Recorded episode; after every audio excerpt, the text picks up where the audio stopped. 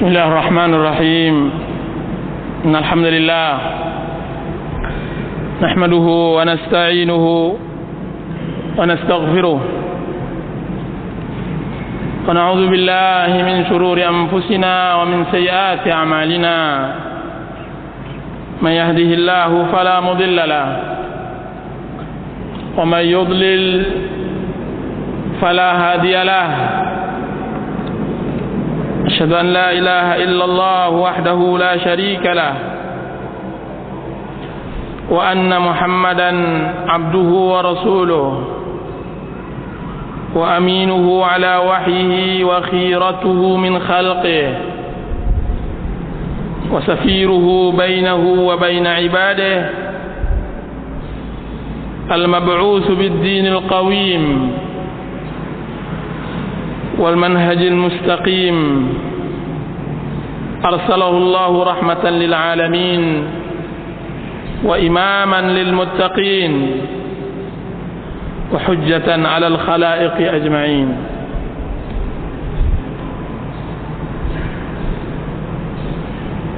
Para ikhwan dan akhwat yang dirahmati oleh Allah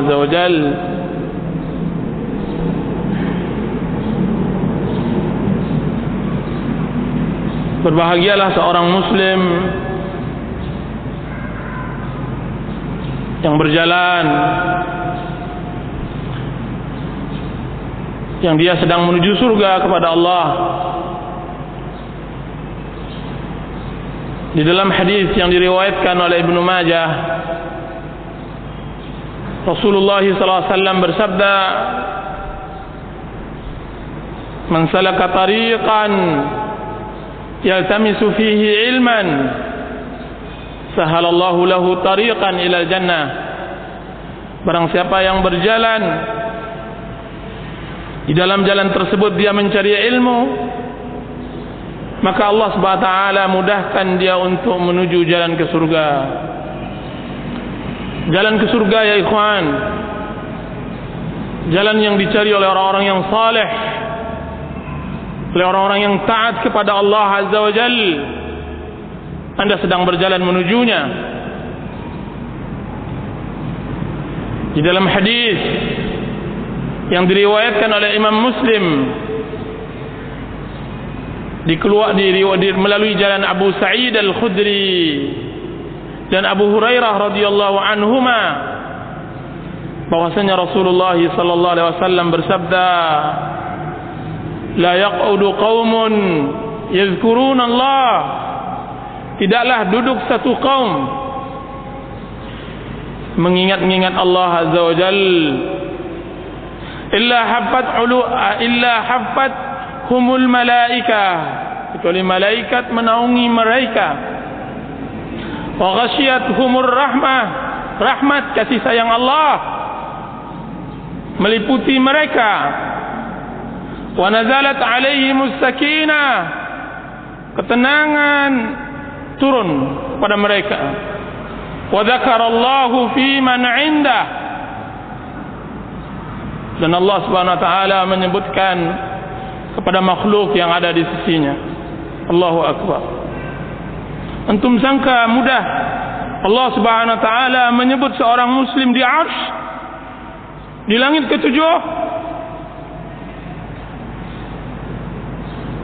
kita sangka seorang muslim mudah. Namanya dikenal oleh penduduk langit. Sekalipun tidak dikenal oleh penduduk bumi. Rasulullah sallallahu alaihi wasallam bersabda rubba ash'atha aghbar dhi timrain madfu'un bil abwab. Law aqsama 'ala Allah la abarra. Berapa banyak orang yang berpakaian kusut masai rambutnya yang tidak bersisir memiliki hanya dua helai pakaian. Ketika dia antri dia harus ditolak karena dia tidak dikenal. Akan tetapi jika seandainya dia bersumpah atas nama Allah Azza wa Jalla maka Allah Subhanahu wa taala kabulkan doanya. Apa peduli bagi seorang muslim? Namanya tidak dikenal oleh penduduk dunia akan tapi namanya menggelegar di hadapan Allah Azza wa Jal. Namanya sangat dikenal oleh penduduk langit. Sesungguhnya penuntut ilmu dan yang mengajarkan ilmu dikenal oleh seluruh alam. Seluruh alam mengenalnya. Rasulullah sallallahu alaihi wasallam bersabda, "Inna Allah wa malaikatahu la yusalluna ala muallimin nas al-khair." Sesungguhnya Allah dan malaikatnya, malaikat yang sangat besar disebutkan bahwa Jibril sayapnya menutup ufuk. Mendoakan kebaikan bagi orang-orang yang mengajarkan kebaikan kepada manusia. Hatta al-hitanu fil bahr bagai sampai ikan hiu yang berada di lautan atau semut yang ada di dalam sarangnya mendoakan. Mendoakan bertasbih. Bertasbih bagi orang yang mengajarkan kebaikan dan mendengarkan kebaikan. Berbahagialah wahai kaum muslimin yang hadir. Dan Rasulullah SAW telah memesankan kepada kami agar kami menyatakan kepada antum-antum yang hadir ahlan wa sahlan di talibi ilmin. Selamat datang bagi penuntut ilmu. Ilmu din. Ilmu yang memberikan kebahagiaan di dunia dan memberikan kebahagiaan di akhirat. Ilmu abadi. Ilmu Allah. Yang dia telah sibukkan dirinya. Sibukkan seluruh alam untuk belajar din. Telah berganti generasi ke generasi rasul kepada rasul yang lainnya menyibukkan pelajaran din kaum muslimin dan muslimat yang dirahmati oleh Allah Subhanahu wa taala saya yakin hari ini ada usaha yang ditelantarkan. Ada pekerjaan yang kita undurkan untuk bisa hadir di majlis ta'lim. Ada waktu yang disisihkan untuk tidak bisa bercengkrama dengan keluarga dan anak-anak. Akan tetapi kita telah ikhlaskan itu untuk Allah Azza wa Jal. Seorang Muslim mengikhlaskan waktunya kepada Allah alangkah nikmatnya hidup alangkah bahagianya hidup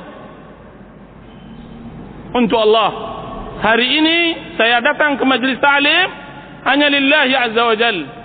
La riyan wala sum'ah.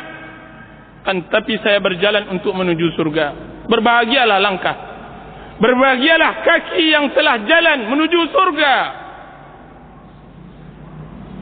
Akan tapi yakinlah bahawa rezeki yang kita tunda tersebut bukan di tangan kita. Banyak orang-orang yang berletih, banyak orang-orang yang menghabiskan waktunya untuk mencari rezeki. Akan tapi dia tidak mengerti bahawa rezeki di sini, rezeki di majlis ta'lim. Bukankah di dalam majlis ta'lim turun rahmat Allah? Rezeki Allah turun bagi orang-orang yang kesulitan untuk dibayar uangnya. Bagi orang-orang yang kesulitan untuk menagih hutang yang belum selesai. Datanglah ke majlis ta'lim. Sesungguhnya buhul rizki ada di majlis ta'lim wa ghasyat umur rahmah. Turunkan kepada mereka rahmat turun rahmat ya ikhwan. Rahmat yang dia adalah buhul kebahagiaan. Mungkin seorang suami meninggalkan istrinya dalam keadaan marah. Hatinya gundah hatinya tidak tenang tetapi dia mencoba untuk hadir di majlis ta'lim ini. Untuk mendengarkan kalam Allah dan kalam Rasulullah sallallahu alaihi wasallam. Daripada dia berangkat ke tempat-tempat maksiat dia ingin bersimpuh mendengarkan kalam Allah di sini. Duduk majalasa qaumun fi baitin min buyutillah wa yatluna kitab Allah wa yatadarasuna fi ma bainahum tidaklah duduk satu kaum di rumah dari rumah Allah dan ini adalah rumah Allah. Yatluna kitab Allah dan kita sekarang telah sedang membaca kitab Allah azza wajal wa yatadarasun mempelajari. Dan kita sekarang mempelajarinya. Kecuali turun ketenangan tenangan di sini ya ikhwan. Suatu hari seorang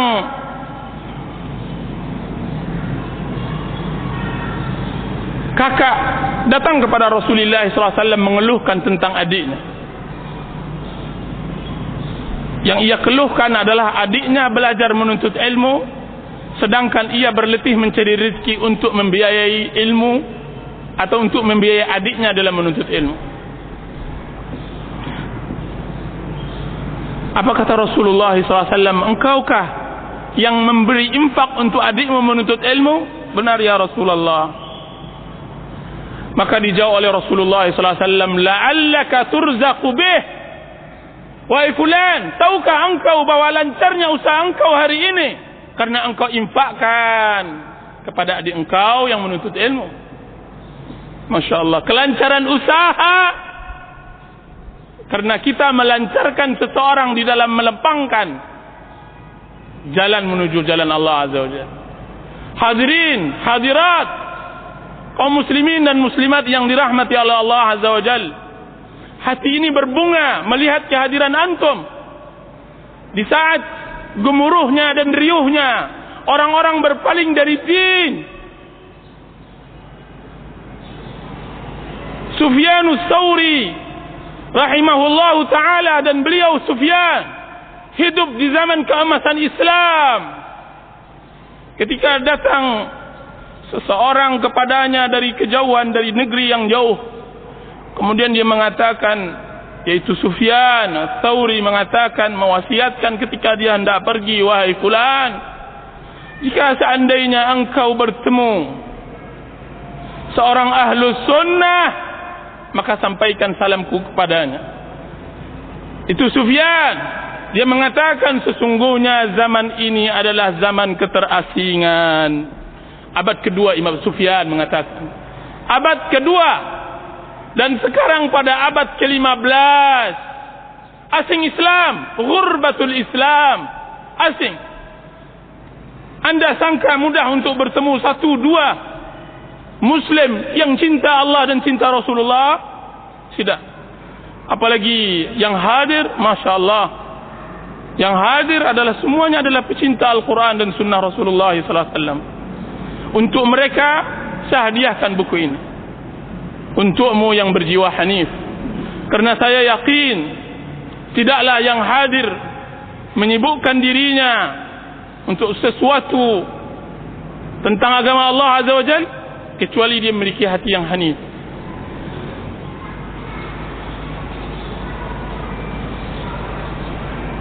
Kenapa saya mengarang buku ini untukmu yang berjiwa hanif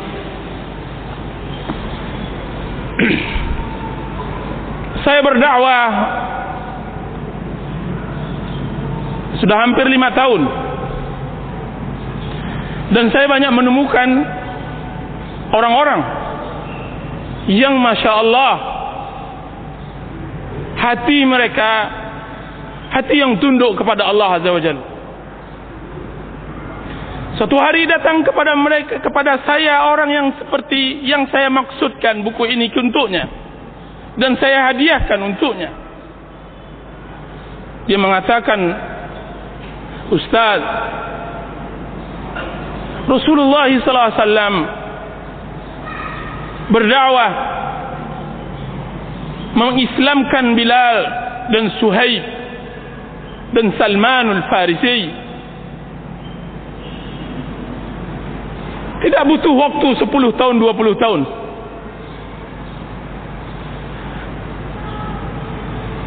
Dia mengatakan, Ustaz, jadikan diri saya sebagai Bilal. Ustaz, jadikan diri saya seperti Salmanul Farisi dan Suhaibur Rumi. Jadikan diri saya seperti sahabat Rasulullah sallallahu alaihi wasallam. Pertanyaan ini membuat saya terkesima. Karena banyak di antara kita juga yang hadir di majlis ta'lim. 10 tahun, 20 tahun. Bahkan sudah mungkin, sudah mulai belasan tahun. Akan tapi tidak ada iman Bilal. Sedikitnya, akidah Suhaib dan langkanya keyakinan Salmanul Farisi membuat saya bertanya bagaimana Rasulullah SAW mendidik umat yang begitu kokoh imannya dalam waktu yang sangat yang dalam waktu yang sangat sebentar? Dan Bilal bin Rabah.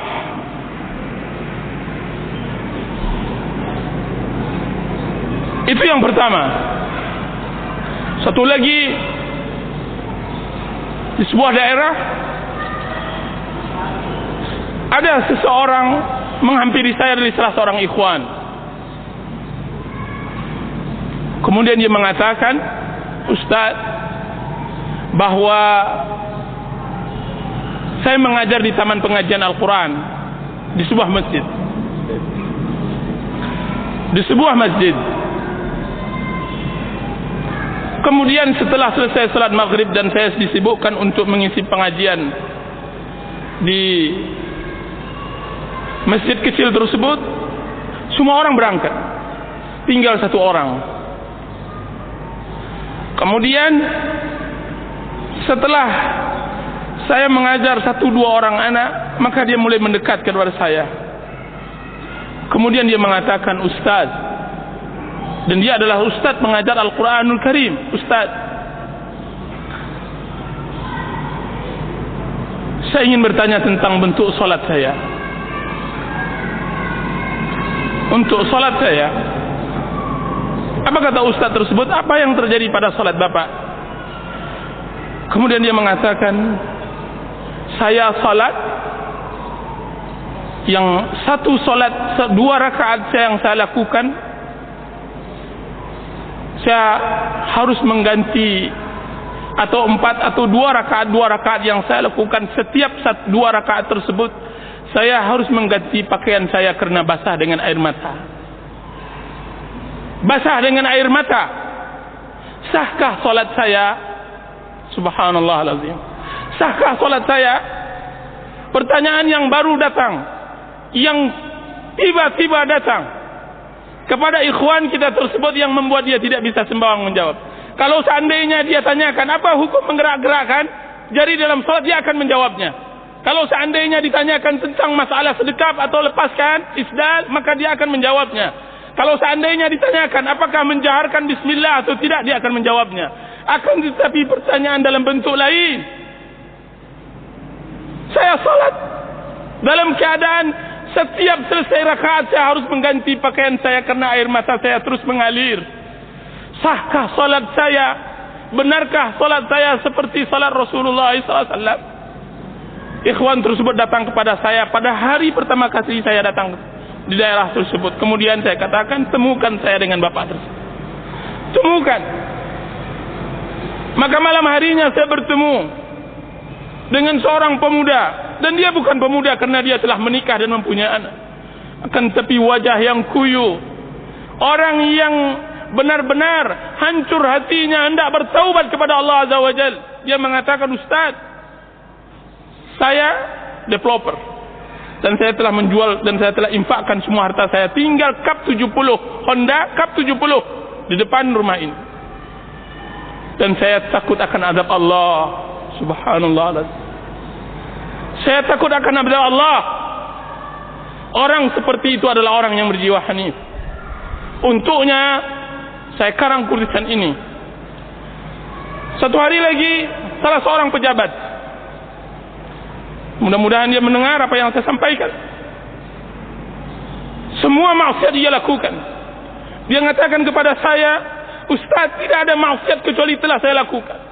Setiap kali saya ke Jakarta, seharusnya saya berangkat hari Jumat, maka saya berangkat biasanya hari Selasa atau Rabu. Terang bagi saya Jakarta tersebut. Sibuk bagi saya Jakarta tersebut Ustaz. Dia katakan begitu. Terang karena banyak maksiatnya. Kemudian satu hari saya mengisi pengajian menceritakan tentang kisah Uwais Al-Qarni. Bagaimana baktinya kepada orang tuanya. Tiba-tiba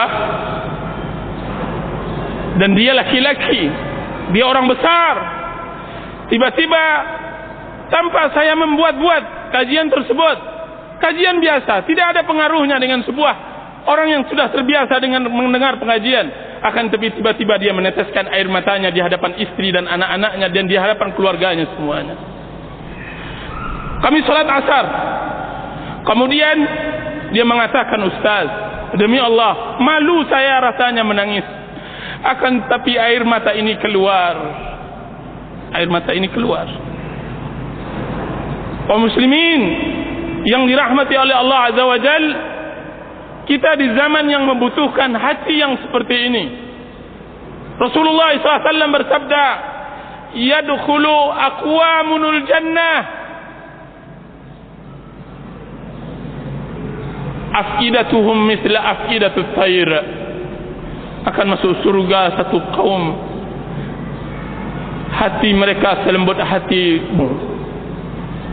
selembut hati burung. Alam ya'ni lil ladzina amanu an takhsha'a qulubuhum li dzikrillah alam ya'ni lil ladzina amanu an takhsha'a qulubuhum li dzikrillah kapan lagi bagi seorang mukmin khusyuk hatinya untuk mengingat Allah azza wajal disebutkan oleh Abdullah bin Umar radhiyallahu an sesungguhnya ayat ini ditunggu oleh Allah azza wajal kepada sahabat Rasulullah 13 tahun setelah mereka masuk salaf ahlu sunnah wal jamaah. Setelah mereka masuk Islam saya melihat di kalangan ikhwan sangat kikir dengan air mata ya ikhwan. Sangat kikir kecuali di awal-awal dia mendapatkan hidayah. Mana air mata ciri khas seorang yang saleh? Orang yang tunduk hatinya kepada Allah azza wajal mana air mata di salat tahajud mana air mata di dalam doa dan tadarru kepada Allah azza wajal Apakah kita belajar din untuk memperkeras hati kita, untuk men, me, uh, untuk menendang, untuk menyakiti kaum muslimin? Tidak. Kita mempelajari din untuk bisa bersimpuh di hadapan Allah Azza wa Jal. Untuk menciptakan hakikat ubudiyah kepada Allah Azza wa Jal. Allah Azza wa Jal. Untuk menyempurnakan bahawa diri kita adalah hamba Allah. Hamba Allah maka buku ini saya karang. Dan buku ini saya karang kepada orang-orang yang saya ceritakan tersebut. Tiba-tiba saya tidak melihat dia lagi ke sebuah pengajian. Wajahnya yang bersinar telah berubah menjadi wajah yang hitam karena maksiat kepada Allah Azza wa Jal. Orang yang telah kembali kepada maksiat dan jalan syaitan setelah dia mendengar nida'ur rahman panggilan Allah Azza wa Jal. Saya takut kepadanya firman Allah Azza wa Jalla yang mengatakan falamma ta'u azaghallahu qulubahum. Ketika mereka melenceng maka Allah Subhanahu wa taala lencengkan hati mereka. Ketika mereka telah mendapatkan hidayah dan mereka tidak mau mengolahnya mereka tidak mau mencobanya mereka duduk kan tapi tidak pernah menyemak mereka hadir akan tapi tidak pernah menghadirkan hati. Kemudian Allah subhanahu wa ta'ala hanya pertemukan dia nanti dia neraka. Di adab akhirat. Untuk mereka tersebut aku karang mungkin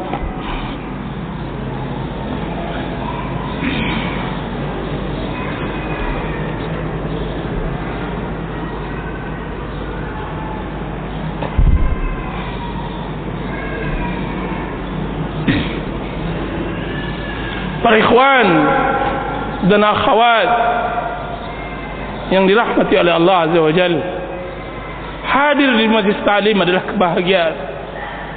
Hadir duduk bersimpuh mendengarkan kalam Allah adalah kebahagiaan. Maka kita mulai mengkaji apa makna hanif. Saya sengaja akan menyebutkan untukmu yang berjiwa hanif. Apa yang disebut dengan makna hanif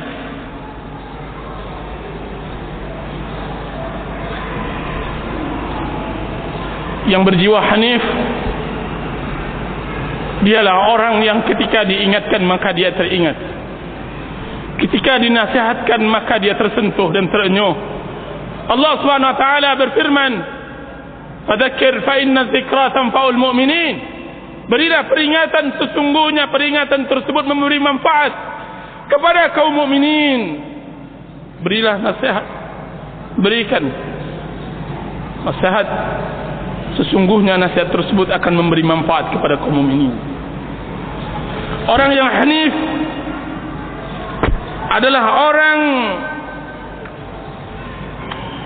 yang memiliki hati yang salim hati yang menjadi modal untuknya bisa masuk surga Allah Subhanahu wa taala berfirman yauma la yanfa'u malun wala banun illa man atallaha biqalbin salim hari yang tidak ada manfaat. Hari itu harta dan anak-anak. Kecuali bagi orang yang membawa hatinya yang salim. Membawa hatinya yang salim. Yauma yanfa'u malun wala banun. Hati yang salim. Hati yang bersih dari dengki hasad. Hati yang condong kepada tauhid dan jauh kepada syirik hati yang cinta terhadap akhirat dan benci terhadap kehidupan dunia yang memukau hati yang bersih dari syahwat yang dapat menghalangi dirinya dari larangan Allah hati yang jauh dari syubhat yang dapat menghalanginya untuk menerima kabar Allah Azza wa Jalla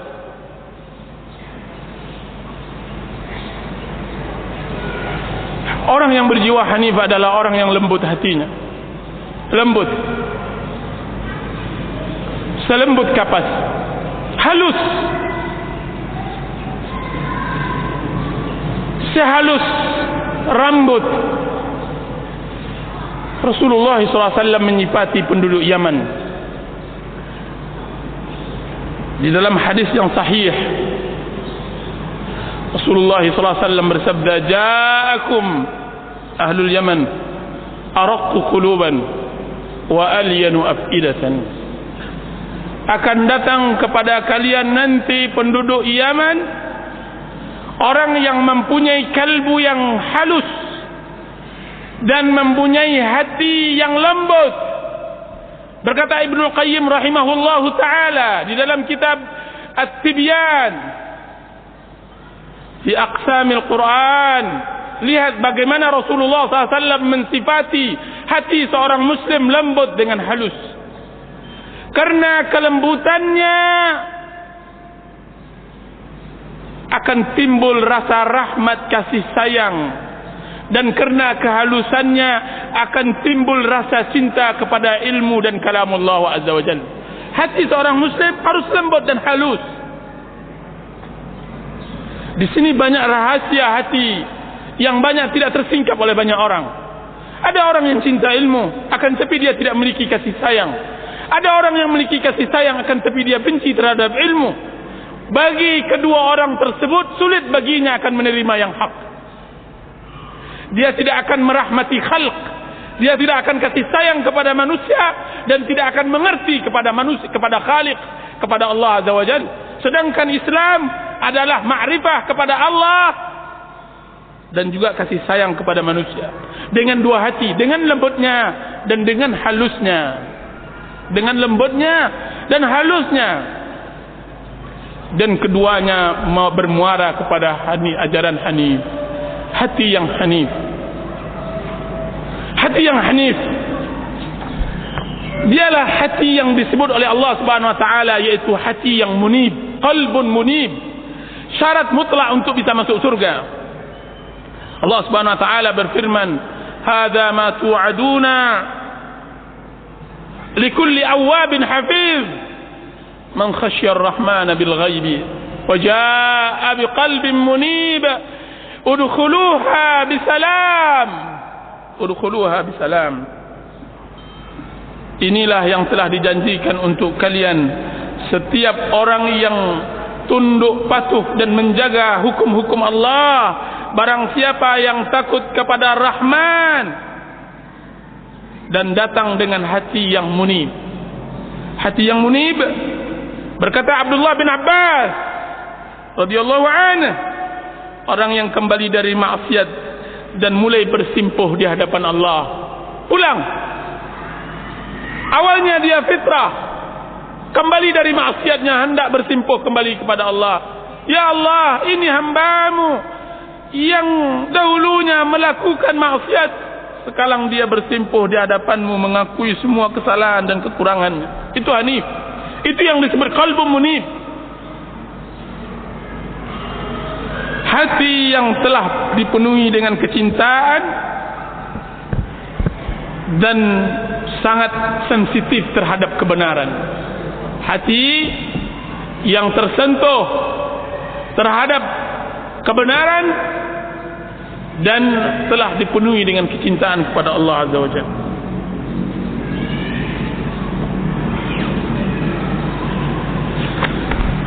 kaum muslimin dan muslimat yang dirahmati oleh Allah Azza wa Jal kemana hendak kita cari hati yang hanif ini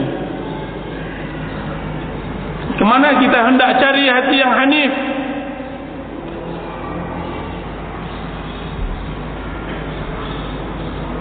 disebutkan oleh Ibn Rajab rahimahullahu ta'ala di dalam kitab Jami' al-ulum wal-hikam adalah salah seorang murid dari Zunnun Al-Misri.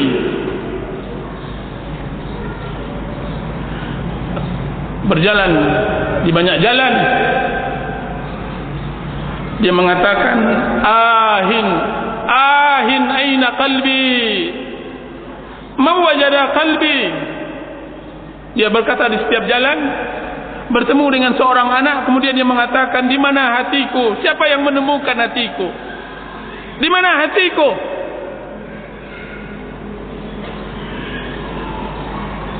Karena agama mempunyai dasar adalah hati. Allah Subhanahu wa taala mengatakan inna fi dzalika la liman kana lahu qalbun aw alqa as-sam'a wa huwa shahid Sesungguhnya itu semua agama peringatan bagi orang yang memiliki hati. Setiap orang memiliki hati akan tapi yang dimaksud oleh Allah hati yang salim, yang munib. Dan dia mendengarkan dan dia menyaksikan. Mendengar, menyaksikan, memiliki hati. Sekarang pertanyaannya, kemana hendak kita cari hati tersebut? Sebagaimana tukang sampah mencari sampah, dan dia bukan sampah, dia adalah nikmat yang paling besar. Jika seandainya kita seorang muslim, tentu kita akan cari hati tersebut. Pertanyaannya di mana hati tersebut kita hendak cari? Salah seorang murid Dunnun yang saya katakan tadi di penjalan di jalan-jalan. Dia mengatakan ahin aina qalbi. Sebagian kaum muslimin zaman sekarang beramal dengan suatu amalan dia dia berbangga dengan amalnya. Subhanallah. Tidak mengerti akan kedudukan. Berbuat sedikit tentang Islam dia sudah pongah menengadahkan kepalanya dan menghina orang lain. Dan tapi hati yang hanif tidak. Dia menyibukkan dirinya. Dia menyibukkan dengan dosanya dia mengatakan aina kalbi aina kalbi mau wajada kalbi Mana hatiku? Siapa yang mendapatkan hatiku? Berikan kepadaku. Berikan. Abu Hurairah radhiyallahu anhu setiap kali beliau mengajarkan anak-anak kecil, disiumnya anak tersebut. Kemudian dia mengatakan, paman kalian ini banyak dosa, maka istighfarkanlah. Ampunkanlah kepada Allah. Kalian masih suci. Abu Hurairah mencari hatinya di depan anak-anak tersebut. Meminta ampun kepada Allah. Sampai nyaris timbul keputusasaan oleh orang yang berjalan di tepi jalan mencari hatinya. Putus asa sampailah dia memasuki sebuah gang. Kemudian dia duduk di sebuah tempat duduk di tepi jalan kemudian dia tafakur. Dia letakkan kedua tangannya air matanya mengalir. Akankah Allah memberi taubat kepadanya setelah maksiat? Sejauh ini akankah Allah subhanahu wa ta'ala memberikan pengampunan kepadanya? Dan dia adalah hamba Allah. Sepanjang masanya melawan Allah dengan maksiat dan pembangkangannya kepada Allah Nyaris dia berputus asa. Tiba-tiba terdengar kegaduhan di dalam rumah. Bertengkar. Terdengar suara keras sang ibu melawan memarahi anaknya.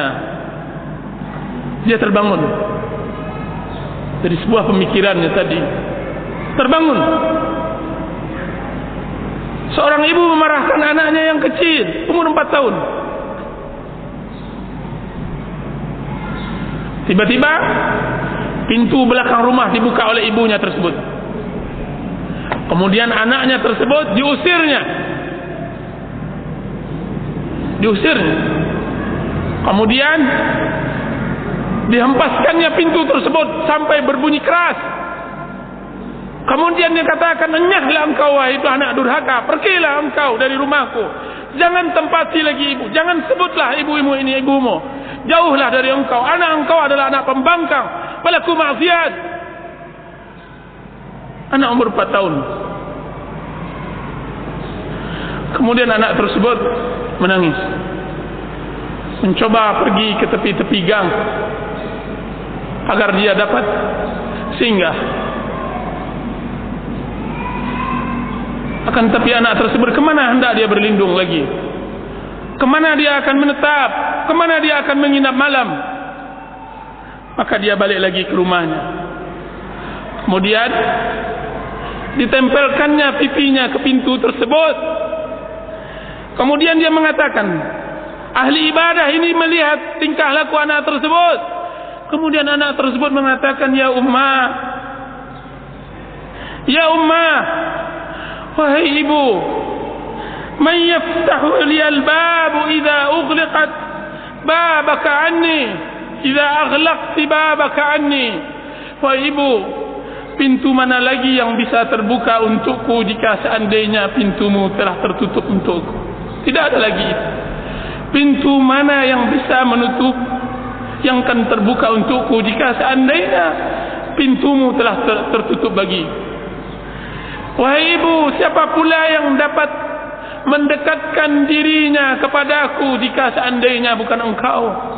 Wahai ibu, jika siapa lagi yang dapat menyayangiku jika seandainya engkau telah murka kepada aku. Anak terus. Kemudian dia terjatuh di tanah tersebut. Kemudian dia letakkan pipinya di tanah tersebut. Kemudian dia menangis. Dia menangis untuk dibukakan pintu dan dia tidak akan berbuat lagi kesalahan. Dia tidak akan kembali lagi kepada perbuatannya yang lama. Sang ibu mendengar ucapan sang anak, siapa ibunya? Siapa ibu yang begitu keras hatinya sehingga dia tidak mendengar teriakan dan tangisan sang anak? Maka sang ibu tersebut melihat di celah-celah rumah papannya tersebut. Dilihatnya perlakuan anaknya tersebut tidak sampai hatinya tidak tega kemudian dibukakan pintunya olehnya kemudian anaknya tersebut diangkatnya. Kemudian dibersihkannya pipinya dari tanah dan debu. Kemudian dipeluknya. Kemudian dia mengatakan wahai penyejuk pandanganku siapa pula yang tidak tersentuh dengan ucapan? Siapa ibu yang mengusir anaknya? Wahai anakku sebutkan tidak ada ibu yang mengusir. Akan tetapi engkau telah berbuat kesalahan dan ibu akan memaafkan Engkau telah berbuat kesalahan. Ibu memaafkanmu. Kemudian apa kata Abid ahli ibadah tersebut? Al-an wajada qalbi. Sekarang baru saya dapatkan hatiku. Sekarang aku temukan hatiku. Sekarang saya temukan hatiku. Saya dapat saya peroleh. Kiranya begitulah kita seorang muslim bermuamalah kepada Allah siapa yang dapat membuka pintu jika seandainya pintu Allah sudah tertutup siapa yang dapat memberikan kasih sayang jika seandainya Allah telah murka siapa pula yang memberikan pembelayan rahmat dan maghfirahnya jika seandainya Allah Subhanahu wa taala telah melaknat kita. Nauzubillah. Nauzubillah. Maka carilah hati-hati yang hanif di tempat-tempat yang seperti itu ya ikhwan.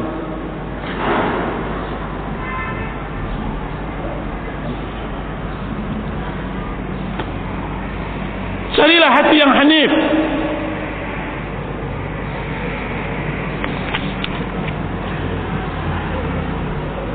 Ditumpukan hati-hati yang kehidupannya selalu dirundung sengsara. Carilah hati yang hanif di hati para fukara dan para masakin. Cobalah bergaul dengan mereka. Dekati mereka. Selami kehidupan mereka. Sesungguhnya Rasulullah wasallam bersabda ubghuni du'afaakum. Carikan aku orang-orang fakir di antara kalian. Innama turzaquna wa tunsaruna bi du'afaikum sesungguhnya kalian dimenangkan dan diberi rezeki karena orang-orang lemah di antara kalian. Carilah hati-hati yang hanif pada jiwa-jiwa yang ringkih jiwa-jiwa yang tertunduk karena kefakiran dan kemiskinan. Selami kehidupan dan kesusahan dan kesedihan mereka. Aliri air mata mereka. Pahamkan bahwa mereka tidak memiliki harta dan kedudukan. Mereka itu akan akan dapatkan hati yang hanif di sana. Disebutkan di dalam riwayat lain bahwa sesungguhnya kalian dimenangkan oleh Allah dengan orang-orang lemah dengan doa mereka. Karena doa si fakir doa orang-orang yang merana adalah seindah-indah doa seindah-indah doa.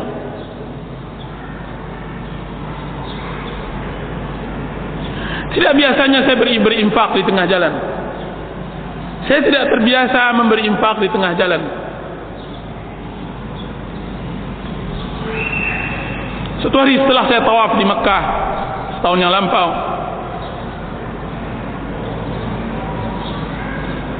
saya hendak pulang ke hotel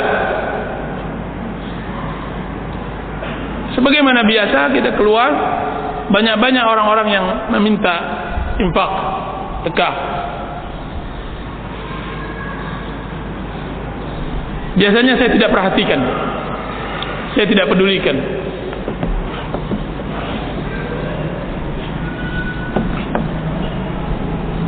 Saya tidak pedulikan.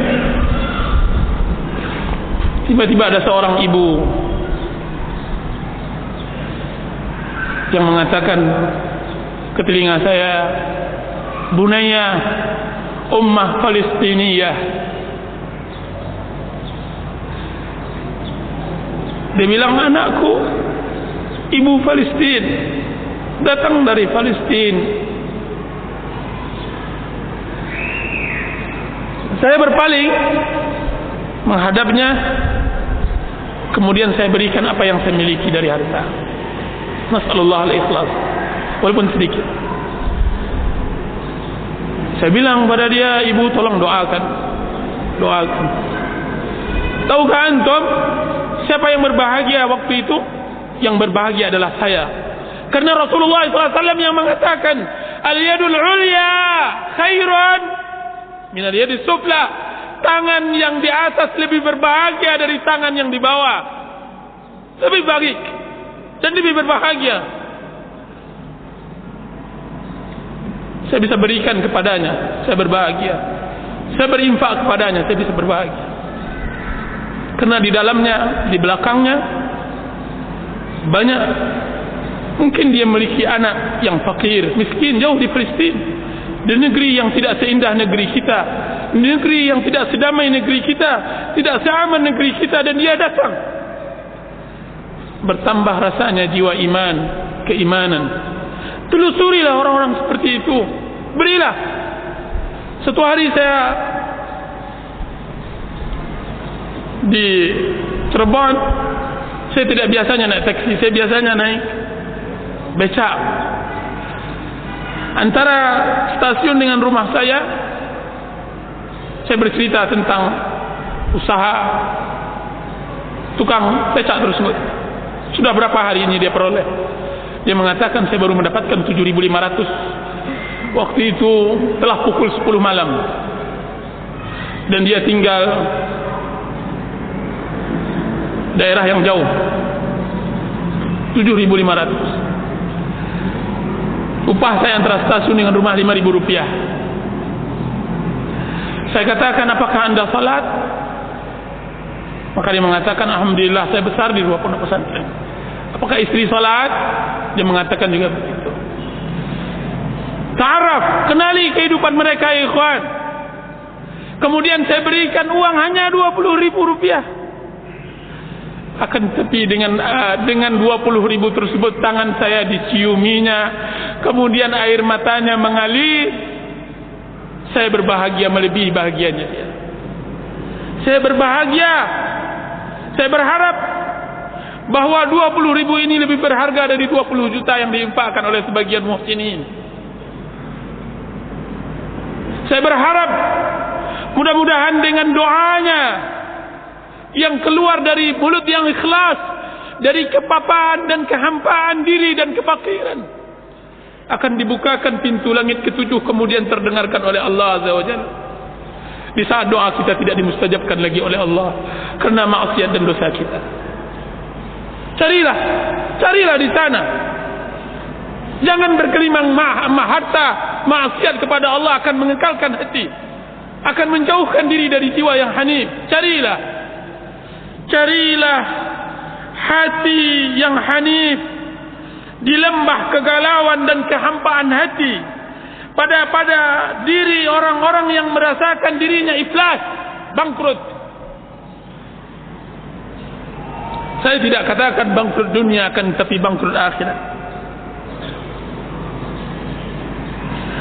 Ketika ia merasakan bahawa semua jalan hidup telah tertutup.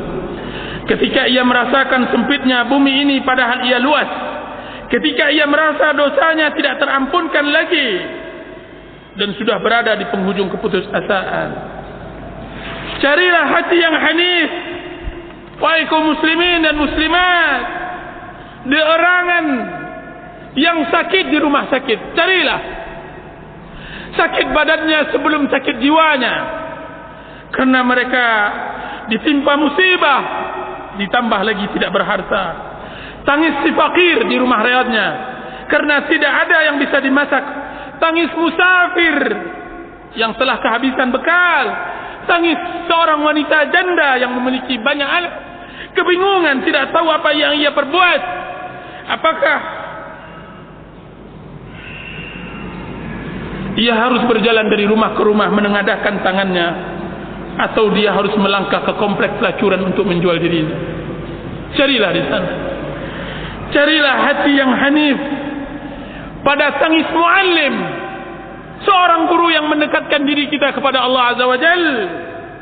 Menceritakan tentang kebesaran Allah. Tangis ahli ibadah yang sedang bermunajat di sebuah sudut masjid.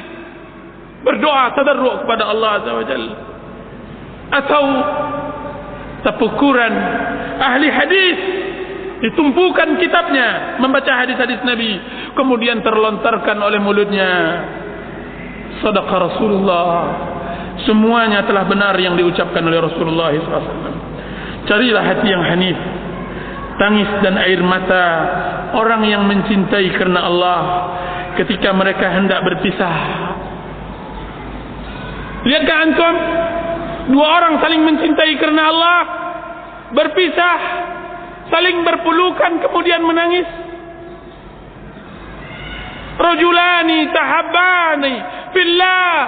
Dua orang yang saling mencintai kerana Allah. Dia adalah satu dari tujuh kelompok yang diberi perlindungan yang tidak ada perlindungan kecuali perlindungan Allah Azza wa Jal.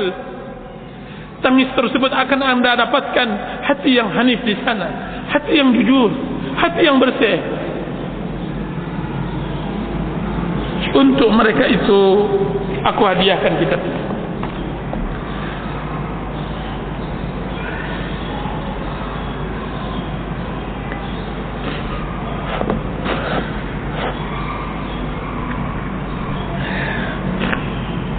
Kitab ini saya bagi dua pembahasan. Pembahasan pertama tentang masalah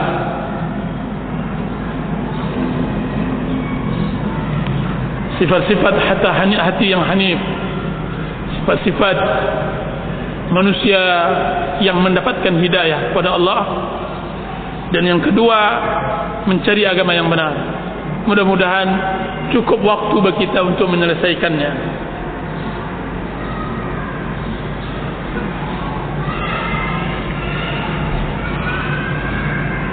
Unsur poin yang berikutnya saya beri judul kembalilah kepada Allah dan bertaubatlah. Kembalilah kepada Allah dan bertaubatlah. Dan maaf mungkin judulnya uh, juga belum ada di sini atau saya bentukkan dengan judul lain karena ini adalah kajian yang nanti insyaallah bedah buku. Sekarang sedang bedah buku tapi insyaallah dalam bentuk motivasi dan semacamnya kembalilah kepada Allah dan bertaubatlah.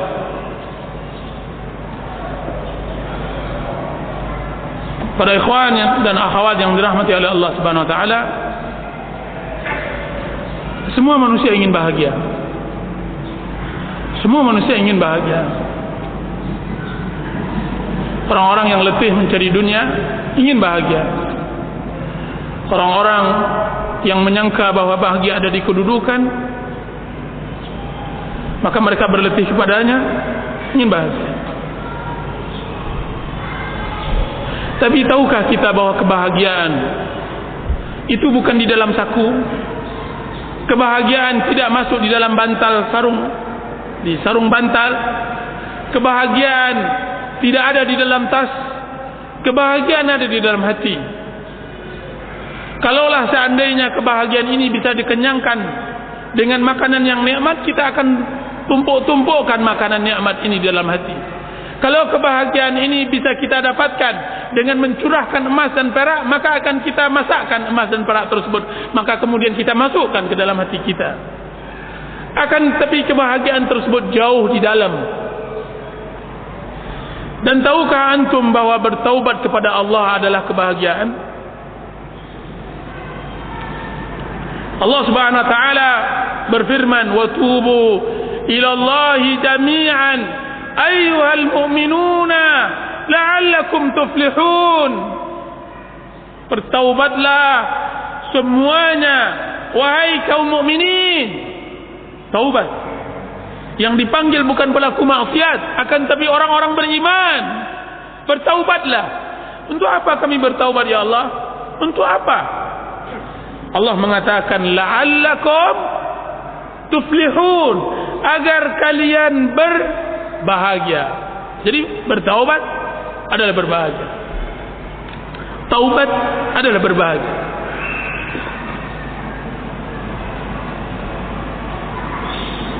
Ketika saya berada di Multazam Sulusul akhir Di pertiga akhir Ramadan. Oh, maaf di pertiga akhir malam. Setelah saya tawaf saya hendak bermunajat kepada Allah Azza wa Jalla di daerah yang di tempat yang sangat mustajab. Di rumah Allah di Baitullah. Kemudian awalnya biasa saja. Doa yang saya panjatkan biasa tiba-tiba datang seseorang. Yang berdoa kepada Allah seperti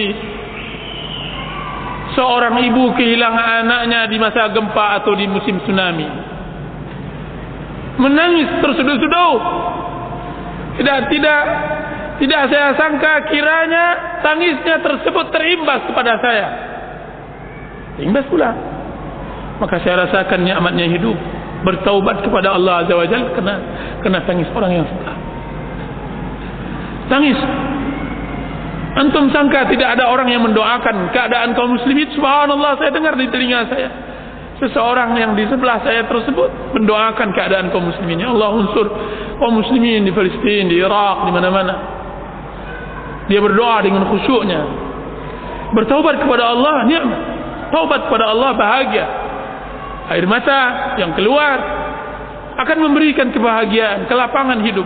Ada sebagian sekarang uh, sebagian uh, metode untuk menghilangkan stres adalah dengan menangis Akan tapi itu buanglah. Kita tidak perlu dengan itu. Yang kita inginkan adalah kebahagiaan yang telah diaturkan oleh Rasulullah SAW. Sesuai dengan din. Bertaubatlah kepada Allah Subhanahu Wa Taala. Sebelum datang masa-masa terlambat taubat. Saya melihat seseorang di Arafah benar-benar uh, bersimpuh di hadapan Allah Arafah. Tempat yang dimustajabkan oleh Allah Azza wa Jal. Dia berdiri berdiri berdiri air matanya mengalir memohon ampun kepada Allah. Yang kita tidak tahu apa yang ia perbuat antaranya dengan Allah Azza wa Jal. Bertaubat kepada Allah Azza wa Jal. Alangkah nikmatnya maksiat jika seandainya setelahnya diiringi dengan taubat kepada Allah Taala. Kalla innal insana la yatgha arau istaghna inna ila rabbikar ruja. Ketahuilah demi demi Allah tidak sama sekali manusia benar-benar melampaui batas ketika dia melihat dirinya merasa cukup ketika dia berada pada puncak-puncak kesombongannya tiba-tiba dia kembali kepada Allah. Inna ila rabbikar ruj'a sesungguhnya kepada Rabbnya lah dia kembali. Dia bersimpuh seperti seorang hamba yang berusaha menjadi majikan kemudian dia luluh di hadapan majikan. Zat al-qahhar al-khaliq ar-razzaq. Setelah itu dia ditangkap oleh pengawal majikan tersebut. Ditendang kemudian diikat, dibelenggu, kemudian disujudkan kepada majikannya. Kemudian dia mengatakan, ampunkan diriku ya majikan, ya Allah, dari semua dosa-dosa. Aku Fir'aun. Aku Fir'aun. Cuma Fir'aun lebih berani dari diriku. Fir'aun berani mengucapkan, Ana Rabbukumul A'la dengan lisannya dan dia adalah pemberani. Aku adalah Tuhanmu yang tertinggi. Dan aku adalah orang yang pengecut. Aku tidak berani mengucapkannya akan tapi perbuatan dan hati dan lisan mengarahkan bahawa seakan-akan aku adalah Tuhan. Aku yang membuat keadaan. Aku yang menjernihkan dan mengeruhkan. Aku yang mendatangkan rezeki. Aku yang menentukan takdir bukan engkau ya Rabb. Sudah begitu besar dosaku kepadamu ampunkan kini adu aku adalah hambamu hamba. Hamba yang bersimpuh yang tidak ada daya dan tidak ada upaya kecuali engkau yang menentukan. La haula wala quwwata illa billah. Jika seandainya kita telah bertaubat kepada Allah maka pastikan Allah maha pengampun. Allah maha pengampun. Nabi ibadi anni anal ghafurur rahim Allah Subhanahu wa taala mengatakan dalam surah Hijr, "Nabi ibadi anni anal ghafurur rahim." Kabarkan kepadaku, kabarkan wahai Muhammad kepada hamba-hambaku, sesungguhnya aku adalah zat yang Maha Pengampun dan Maha Penyayang. Kabarkan. Kabarkan kepada mereka. Ya ibn Adam, wahai anak Adam, innaka ما دعوتني ورجوتني غفرت لك ما كان منك ولا أبالي ويا آدم selagi engkau berdoa kepadaku berharap kepadaku meminta ampun kepadaku maka aku tidak peduli dengan apa yang engkau miliki dari maksiat kepada Allah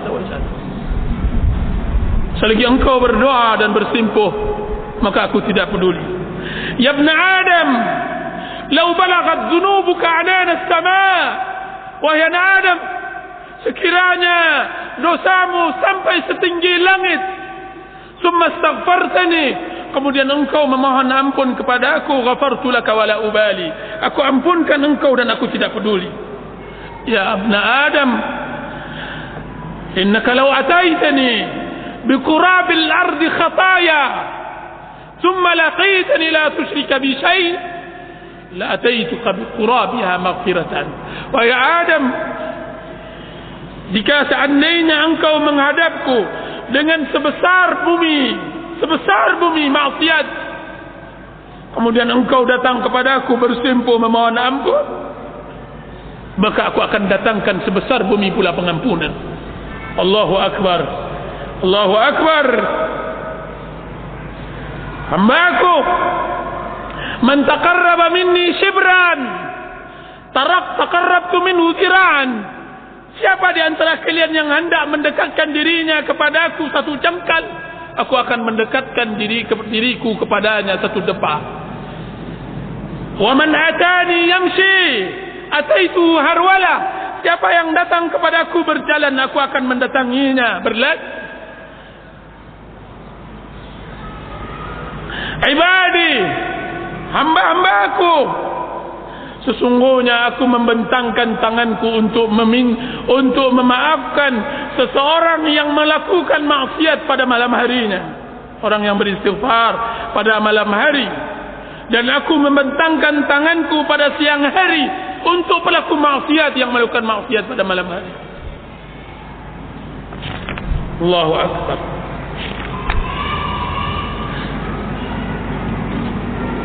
Wahai anak Adam Jika seandainya engkau datang Aku akan terima engkau. Aku akan bukakan pintu. Jika seandainya engkau datang siang hari Maka aku akan bukakan pintu. Sekiranya engkau datang malam hari Maka aku bukakan pintu. Wahai anak Adam Barang siapa yang menghadap kepada aku Maka aku menyambutnya dari kejauhan Barang siapa yang memanggilku Maka aku akan menyebutnya di dalam kedekatan. Barang siapa yang meninggalkan sesuatu untukku Maka aku akan memberinya pemberian. Barang siapa yang mengharapkan ridaku Maka aku akan berikan kepadanya apa yang ia inginkan. Hambaku Pelaku zikir dia adalah orang-orang majlisku. Pelaku syukur. Dia adalah orang-orang yang aku tambahkan. Pelaku maksiat. Dia adalah orang-orang yang tidak akan aku putus asakan rahmat dari rahmatku. Pelaku taat maka mereka adalah orang-orang cintaanku. Aku selalu menjadi cinta kekasih mereka Sungguhnya aku mencintai orang-orang yang bertaubat.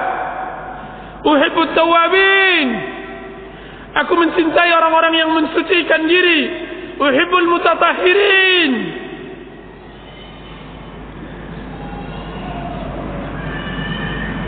Jika seandainya mereka bertaubat.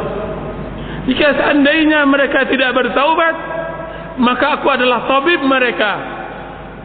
Aku akan timpakan kepada mereka musibah yang dapat mengurangi maksiat mereka. Itu nukilan dari apa yang disebutkan oleh Ibnu Qayyim rahimahullah di dalam kitab Zadul Ma'ad.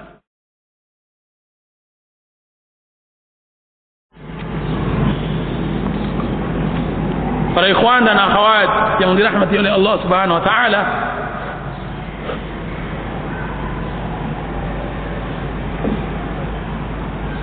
jujurlah dalam bertaubat. Usduq at-taubat sama Allah. Jujurlah di dalam bertaubat kepada Allah.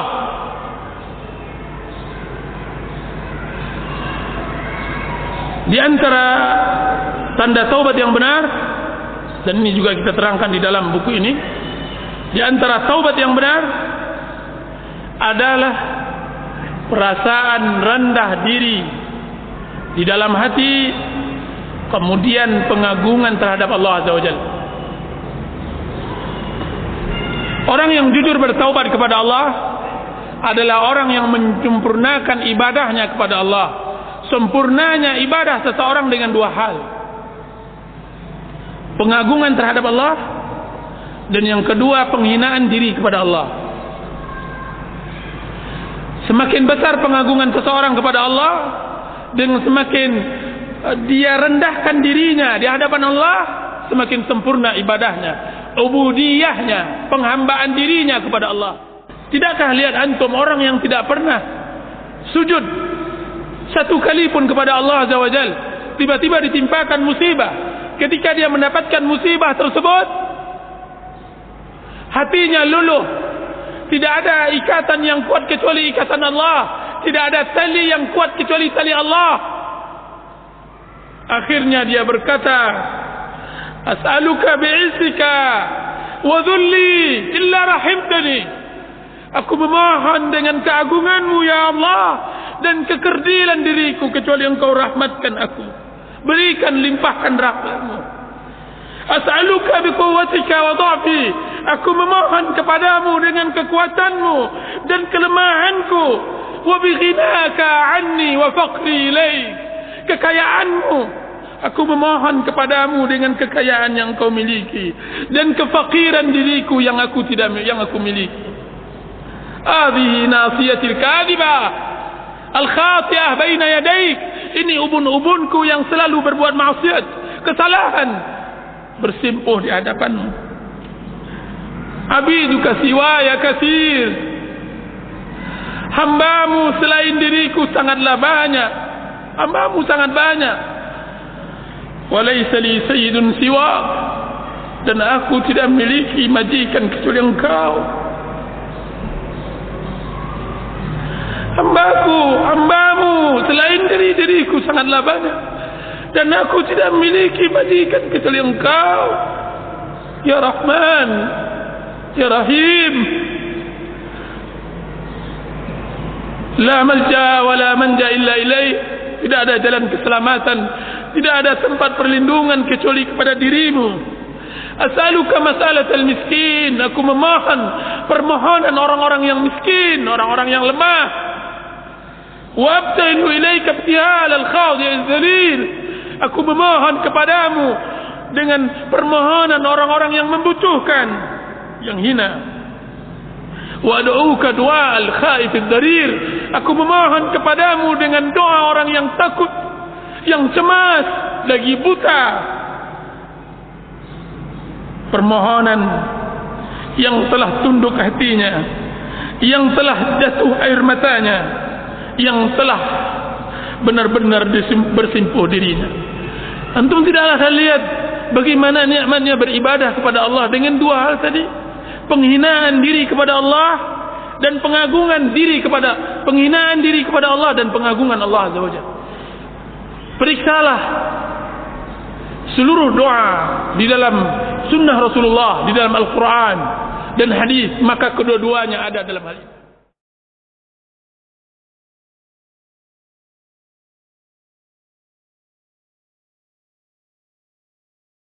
Rasulullah SAW bersabda Kullu bani Adam khatta'un Wa khairul khatta'in at-tawabun Setiap anak Adam berdosa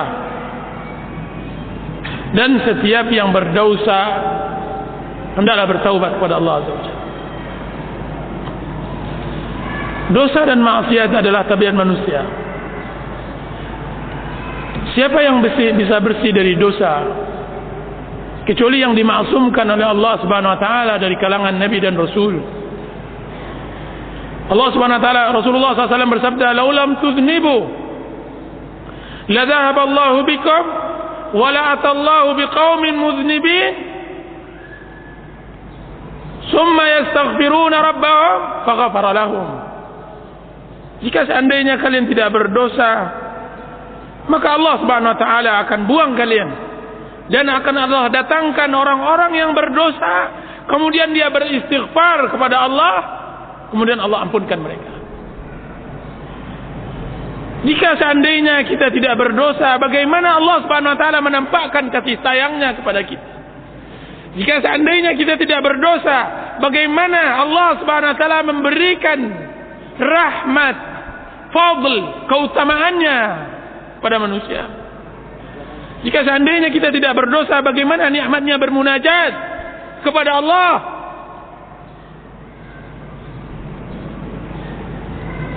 Adam alaihi salam kedudukannya lebih baik setelah dia melakukan berdosa daripada sebelum melakukan berdosa.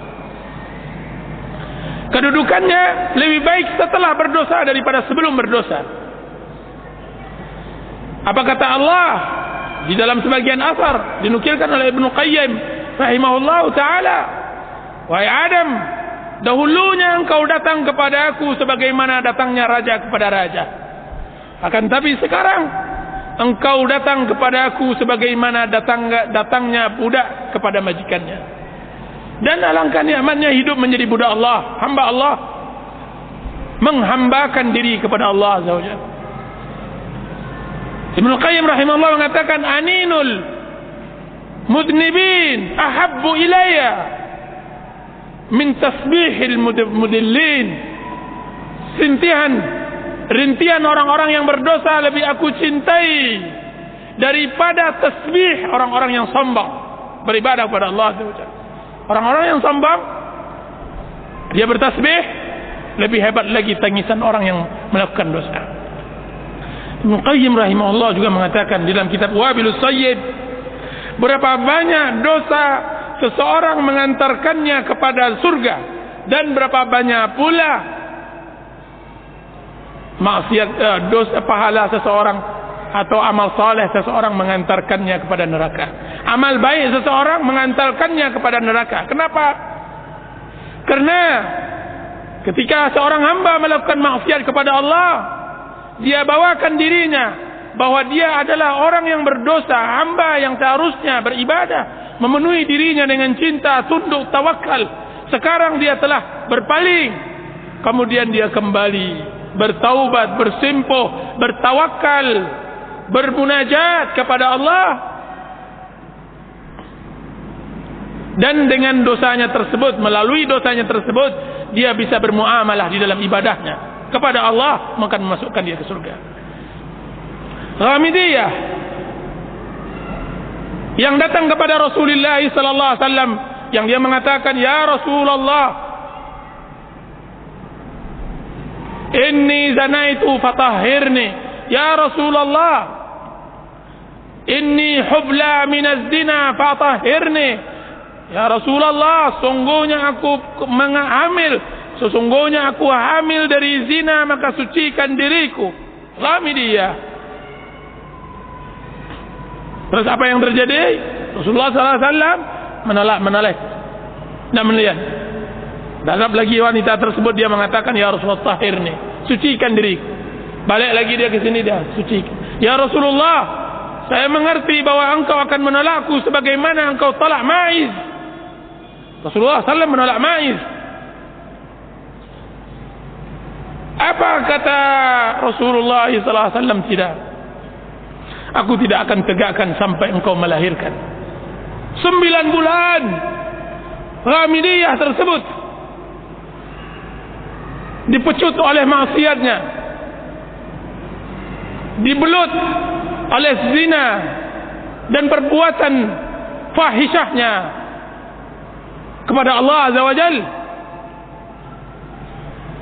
akan tapi pecutan maksiat tersebut mengantarkannya untuk bertaubat kepada Allah. Sembilan bulan dia datang lagi kepada Rasulullah. Dia bawa bayi tersebut kemudian dia mengatakan, Ya Rasulullah, ini bayi saya anal mur'atul lati ji'tuka wa kuntu hubla minaz zina. Akulah wanita yang dahulunya datang kepada engkau yang mengatakan aku berzina kemudian sucikan aku. Ini dia anakku ya Rasulullah. Sucikan diriku. Panas maksiat masih membakarnya. Hararatul maksiat masih membakarnya sehingga dia terus-terus terpaku atas maksiat tersebut dan bertobat kepada Allah. Apa kata Rasulullah? Tidak. Hatta taftimih sampai engkau menyapihnya menyapih anak bayi tersebut pulang lagi dia dalam keadaan keputus asa. Dalam keadaan kesendirian kesedihannya. Karena dia sudah bosan dengan kekotoran badannya. Dia hendak mensucikan dirinya kepada Rasulullah. Kemudian dua tahun lebih dia menyapi anak tersebut. Dan untuk ketiganya dia enggak mau ditolak. Dia tidak mau ditolak diambilnya potongan roti kemudian diletakkan ke tangan anak tersebut kemudian dia datang lagi ya Rasulullah saya wanita yang dahulunya datang kepada engkau berzina kemudian engkau suruh aku pulang kemudian engkau katakan harus dilahirkan dahulu kemudian engkau pulangkan lagi saya kemudian ini dia.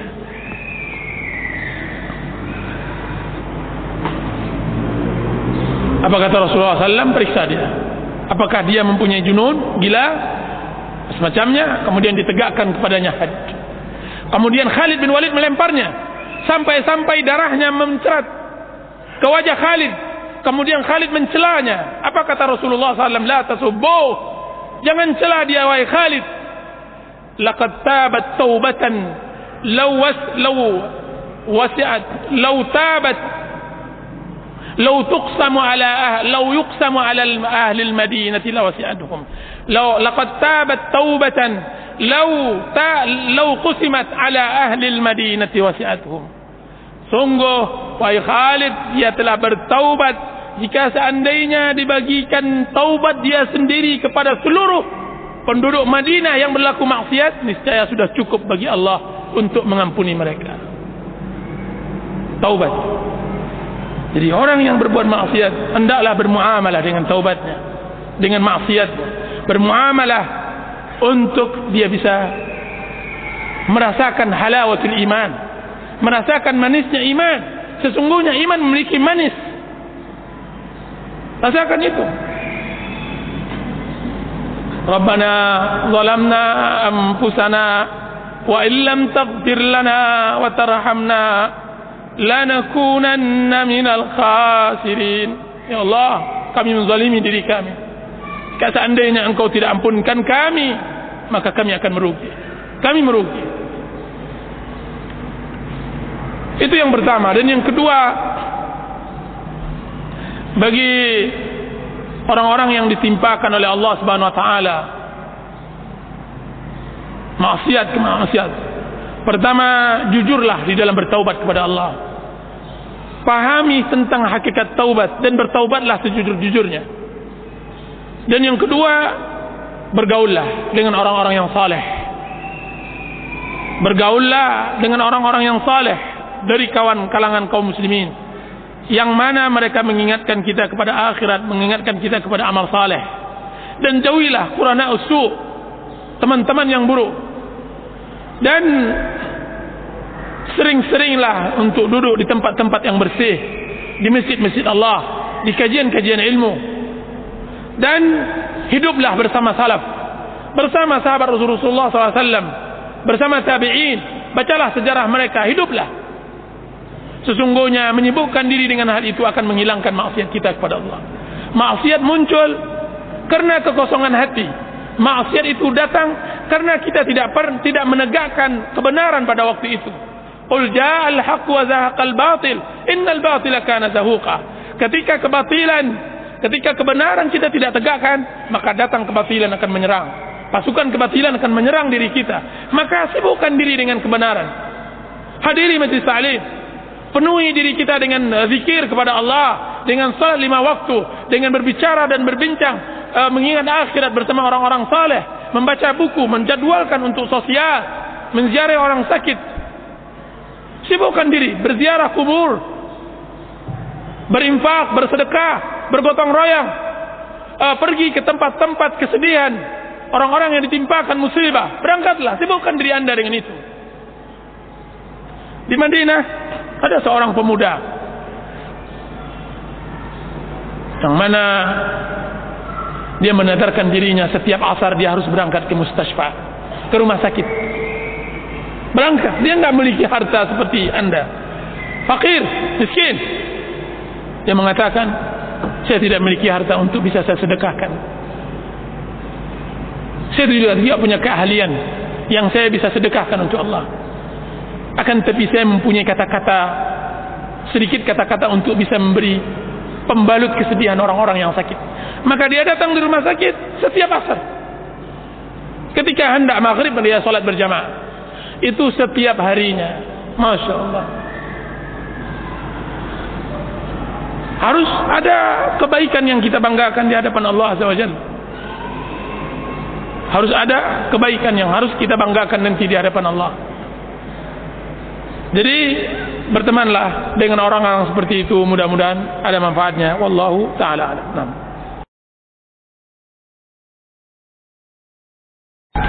Pertama saya katakan bahawa uh, waktu-waktu yang mustajab ketika kita hendak belajar beribadah. Saya mengatakan belajar beribadah dari doa. Belajarlah kita beribadah dari doa.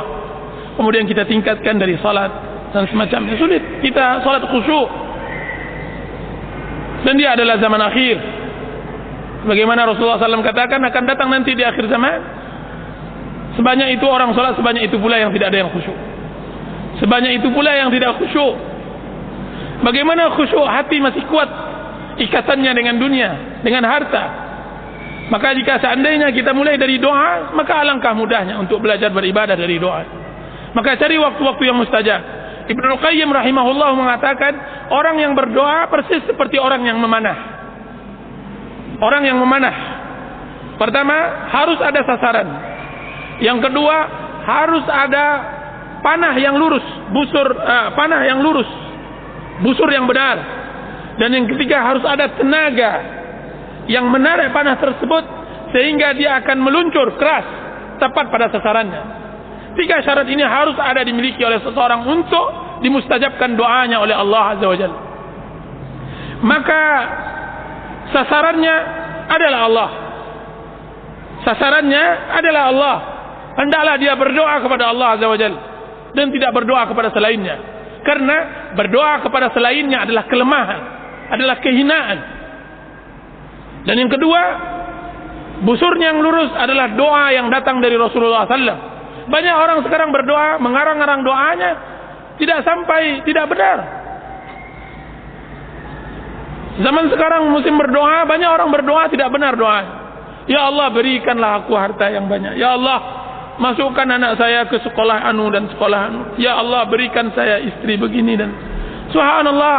Siapa tahu siapa yang engkau uh, uh, dari mana engkau tahu bahwa kekayaan yang nanti Allah berikan akan memberi manfaat kepada anda?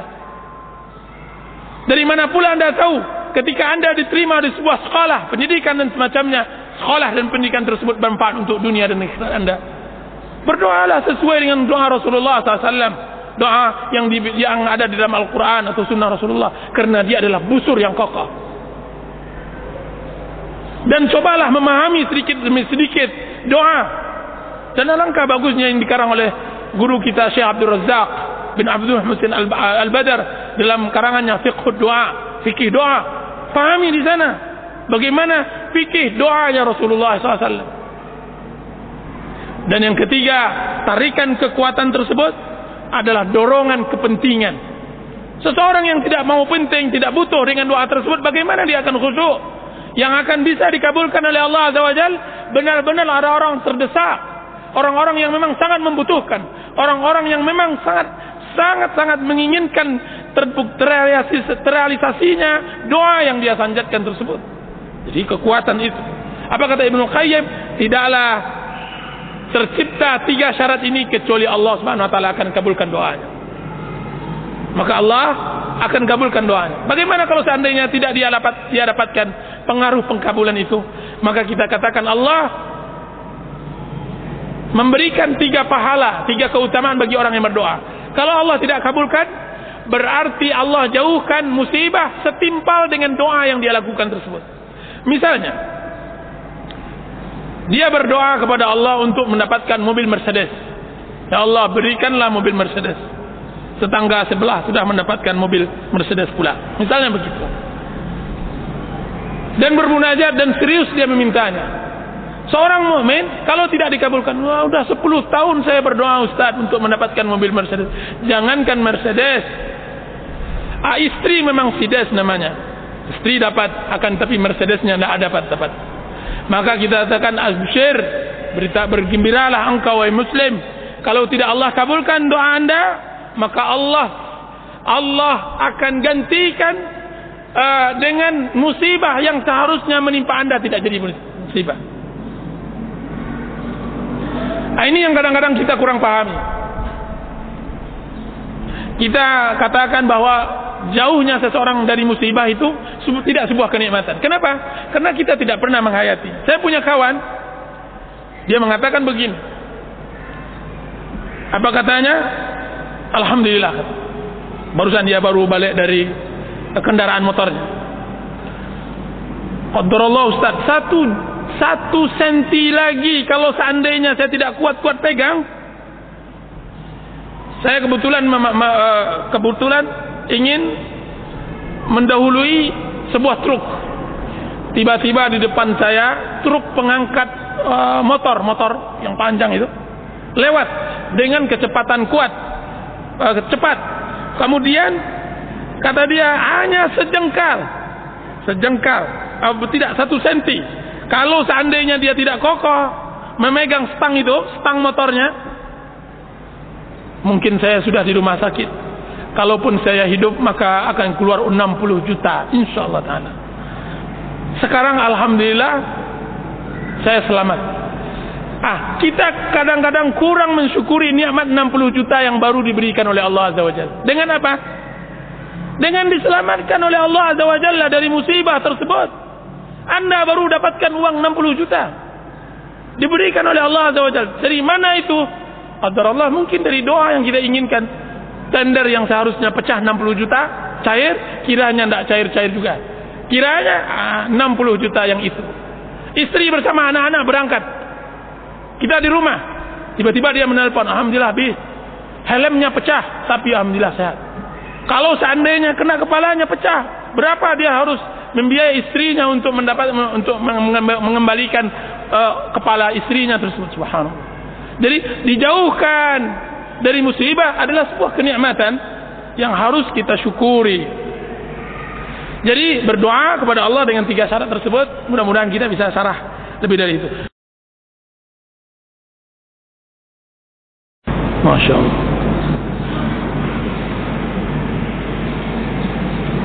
Apa kata Ibn Qayyim sungguhnya maksiat bermula dari mata. Ketika mata dibuka, maka nampaklah semua hal. Maka dia akan letih sendiri untuk menyelesaikan apa yang ia nampakkan. Mata ini ketika dia melihat semuanya maka dia akan letih. Dan uh, mata harus dijaga sebagaimana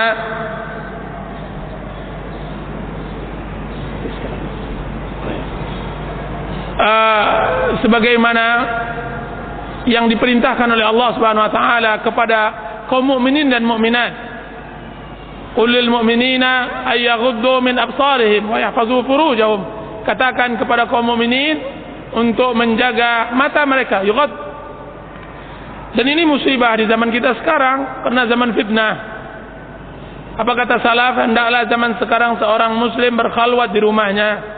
Akan tetapi jika seandainya di rumahnya juga tidak ada maksiat, kalau seandainya ada maksiat, maka dia keluar dari mulut harimau, masuk ke mulut buaya. Kalau seandainya tidak ada di rumahnya maksiat pula, karena maksiat di rumah kadang-kadang lebih berbahaya daripada maksiat di luar. Yang nampak di jalan jauh lebih berbahaya yang nampak di kamar. Maksiat TV, maksiat uh, lain-lainnya yang masya Allah di zaman fitnah seperti sekarang ini.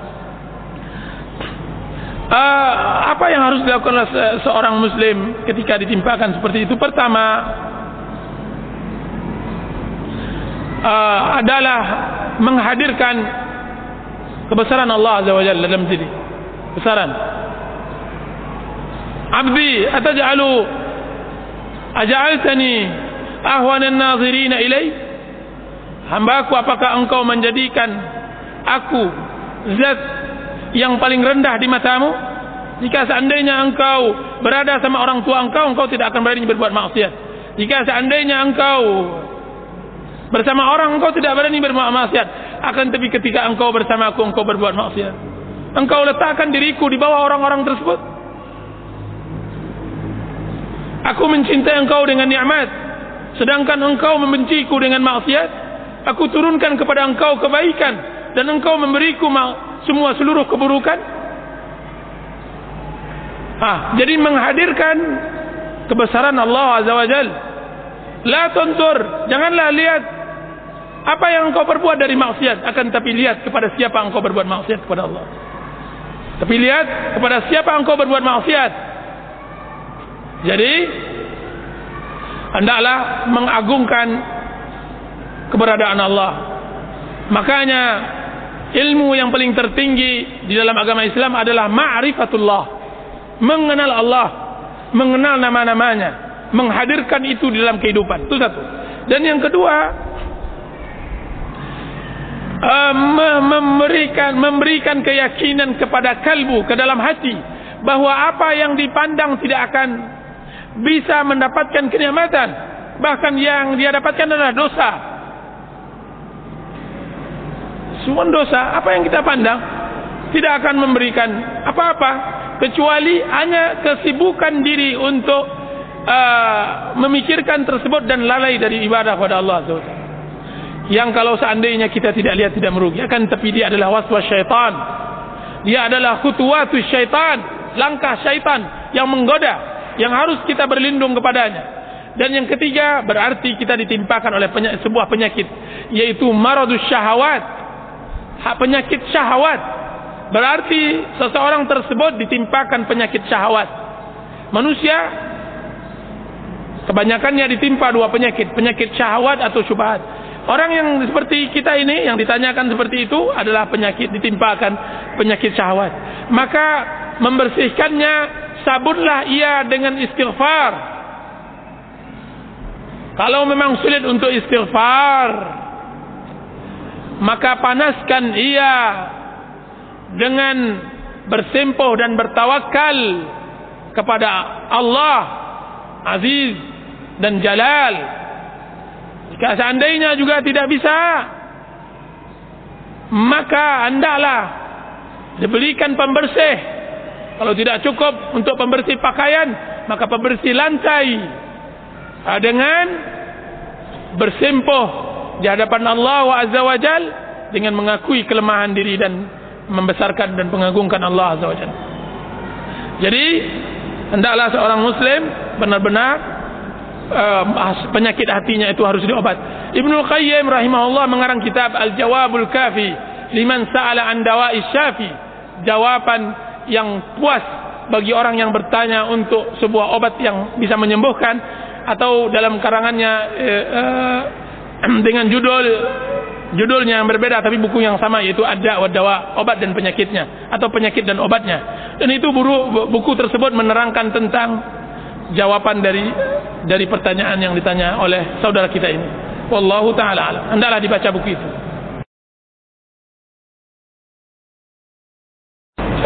Kita baik tidak di lingkungan orang seperti itu atau lingkungan kita atau dalam kesendirian harus kita memiliki hati yang hanif. Hati yang lurus. Bagaimana kita bisa menerima kebenaran kalau seandainya kita tidak memiliki hati yang hanif?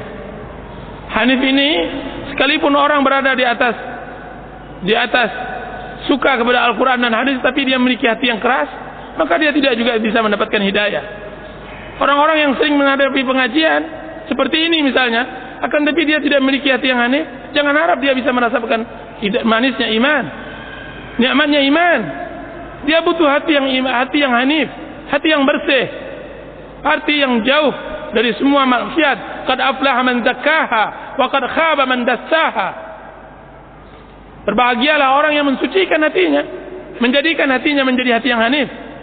Wakar khaba man dan merugilah orang-orang yang menghinakan hatinya, mengotori hatinya dengan maksiat, dengan sifat-sifat buruk dan semacamnya. Ada buku yang paling bagus dalam masalah ini kitab Mukhtasar Minhajul Qasidin karangan Ibnu Qudamah rahimahullahu taala. Dan ini sangat bagus dibaca atau kitab Madarijus Salikin karangan Ibnu Qayyim rahimahullahu taala. Jadi seorang muslim hendaklah memiliki hati yang hanif akan tapi kalau seandainya hendak berdakwah di masyarakat maka hendaklah dia menggunakan ayat Allah Subhanahu wa taala ud'u ila sabili rabbika bil hikmati wal mau'izatil hasanah hendaklah uh, berdakwah engkau berdakwah kepada jalan Allah Subhanahu wa taala dengan hikmah dan mau'izatil hasanah hikmah harus dengan hikmah dengan kata-kata lembut Sesungguhnya ucapan lembut kita, ucapan baik kita lebih banyak mengena daripada ucapan yang kasar, yang keras. Walau kunta fazzan ghalizal qalbi lam faddu min hawlik. Jika seandainya engkau keras hati, tidak peduli dengan orang lain, lam faddu min hawlik, niscaya mereka akan lari dari dirimu. Jadi kita harus berdakwah dengan ilmu dan akhlak. Dengan ilmu dengan akhlak. Ada sebagian orang berilmu akan tapi tidak berakhlak. Ada sebagian orang beragama tapi tidak berakhlak. Apa buktinya? Sabda Rasulullah SAW kepada setiap wali wanita untuk berhati-hati memilih pemudanya, untuk berhati-hati memilih suaminya, calon suaminya. Rasulullah SAW bersabda diriwayatkan oleh Imam Tirmidzi dan hadis itu sahih. "Idza ja'akum man tardawna dinahu wa khuluquhu fazawijuhu." Illa taf'aluhu takun fitnatun fil ardi wa fasadun 'arid. Jika seandainya datang kepada kalian wahai orang tua orang tua wanita wahai orang tua wali-wali gadis laki-laki yang engkau relakan agama dan akhlaknya lihat Rasulullah membedakan antara agama dan akhlak karena banyak orang yang beragama duduk di pengajian akan tapi lari dari hutang. Tidak mau bayar hutang. Ada yang masya Allah akhlaknya seperti akhlak binatang. Benar hatinya belum masuk iman. Qalatil arabu amanna. Orang-orang Arab dalam surat Muhammad dikatakan qalatil hujurat qalatil arab wa amanna. Kullam tu'minu walakin qulu aslamna. Orang-orang Arab mengatakan kami telah beriman. Allah mengatakan belum lagi beriman belum lagi masuk iman dalam hatinya baginya hutang baginya mudah ada sebagian orang yang sering mengaji akan tapi kasar terhadap istrinya tidak mengerti tentang hak dan kewajiban tidak mengerti tentang hak tetangga dan semacamnya ada orang yang sering mengaji akan tapi tidak mengerti tentang akhlak yang baik. Dan mudah-mudahan yang ada yang hadir di sini tidak ada satupun dari apa yang saya sebutkan ini. Berarti seorang muslim harus pandai agamanya dan baik akhlaknya. Ada seorang wanita datang kepada saya sekarang saya baru tahu ya ustaz. Menyesal saya memilih laki-laki yang masya Allah. Saya lihat penampilannya sunnah, multazim. Akan tapi demi Allah dia tidak pernah membahagiakan satu hari dengan saya. Dia hanya bisa mengerti menuntut. Dia hanya bisa mengerti mem meminta kan tapi tidak pernah memberi. Dia hanya bisa mengerti memukul kan tapi tidak pernah maafkan. Dia hanya bisa mengerti apa untuknya kan tapi tidak pernah apa antasnya. Dan ini akhlak yang tidak baik. Dan ini harus kita robah dengan apa? Dengan hati yang bersih. Perbaiki akhlak kita, perbaiki agama kita mudah-mudahan Allah Subhanahu wa taala merahmati kita. Wallahu taala alam. Yang kita takutkan adalah suul khatimah ya ikhwan. Suul khatimah. Diriwayatkan oleh Abu Dawud dan disebutkan di dalam kitab uh, Jami' Ulum wal Hikam karangan Ibnu Rajab. Hadis sahih yang juga diriwayatkan oleh Imam Bukhari dalam kitab Adabul Mufrad bahwasanya Rasulullah SAW bersabda Inna ahadakum la ya'malu bi amali ahli jannah hatta la yakunu bainahu wa bainal jannati illa dhira' fa yasbiqu alayhi al-kitab fa bi amali ahli an-nar fa sesungguhnya salah seorang kalian beramal dengan dengan amalan penduduk surga.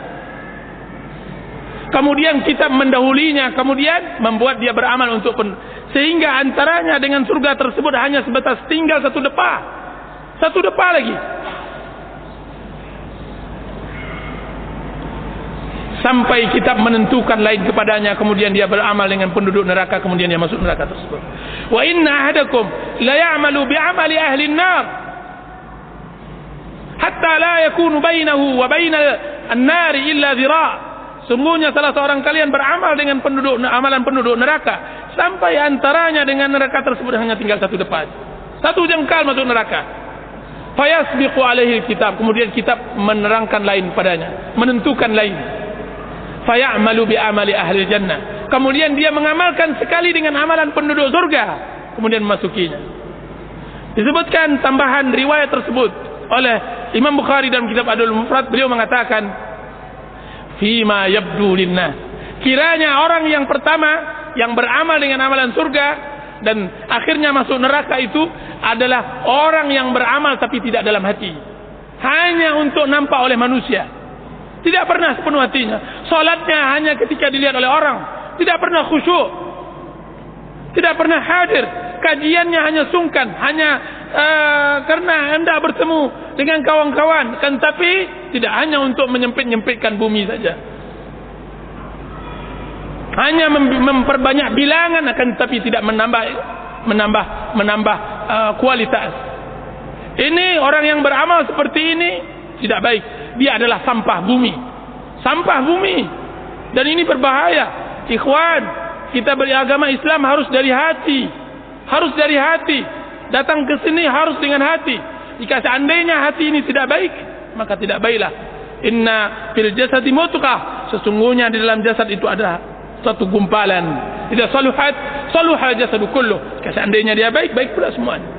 Jadi, kalau seandainya tidak mau mendapatkan su'ul khatimah, maka hendaklah beramal ikhlas kepada Allah.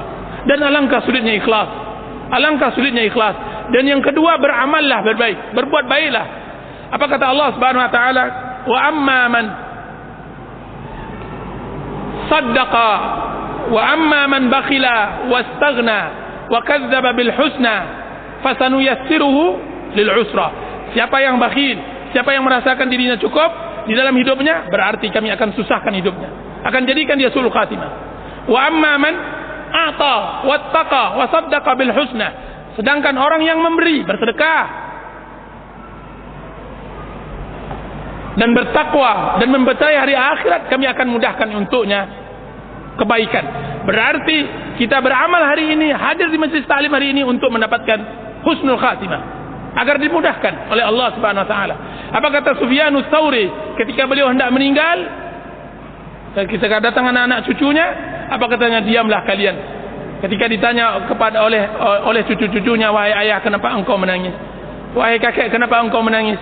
Apa kata Cucunya tersebut, wahai ayah, kenapa engkau menangis sedangkan engkau imam? Engkau ulama. Apa kata Sufyan Tsauri? Diamlah kalian. Sesungguhnya keletihan hari-hari itu untuk menunggu hari-hari ini. Keletihan hari-hari itu untuk menunggu hari ini yaitu husnul khatimah. Untuk mendapatkan husnul khatimah. Keletihan kita hari ini untuk mendapatkan husnul khatimah. Dan kita mohon kepada Allah agar Allah Subhanahu wa taala berikan kita hidup husnul khatimah. Jangan mati di atas maksiat kepada Allah Azza wajalla. Agar memudahkan kita uh, untuk bisa menerima kebenaran, membawa ubun-ubun kita kepada kebenaran, memberikan kepada kita hati yang lembut, air mata yang mengalir, kemudian badan yang khusyuk, khudu kepada Allah Azza wajalla. Inna waliyyu dzalika wal qadiru alaih. Subhanakallahumma wa bihamdika asyhadu an la ilaha illa anta astaghfiruka wa atubu ilaik. Sallallahu ala nabiyyina Muhammad.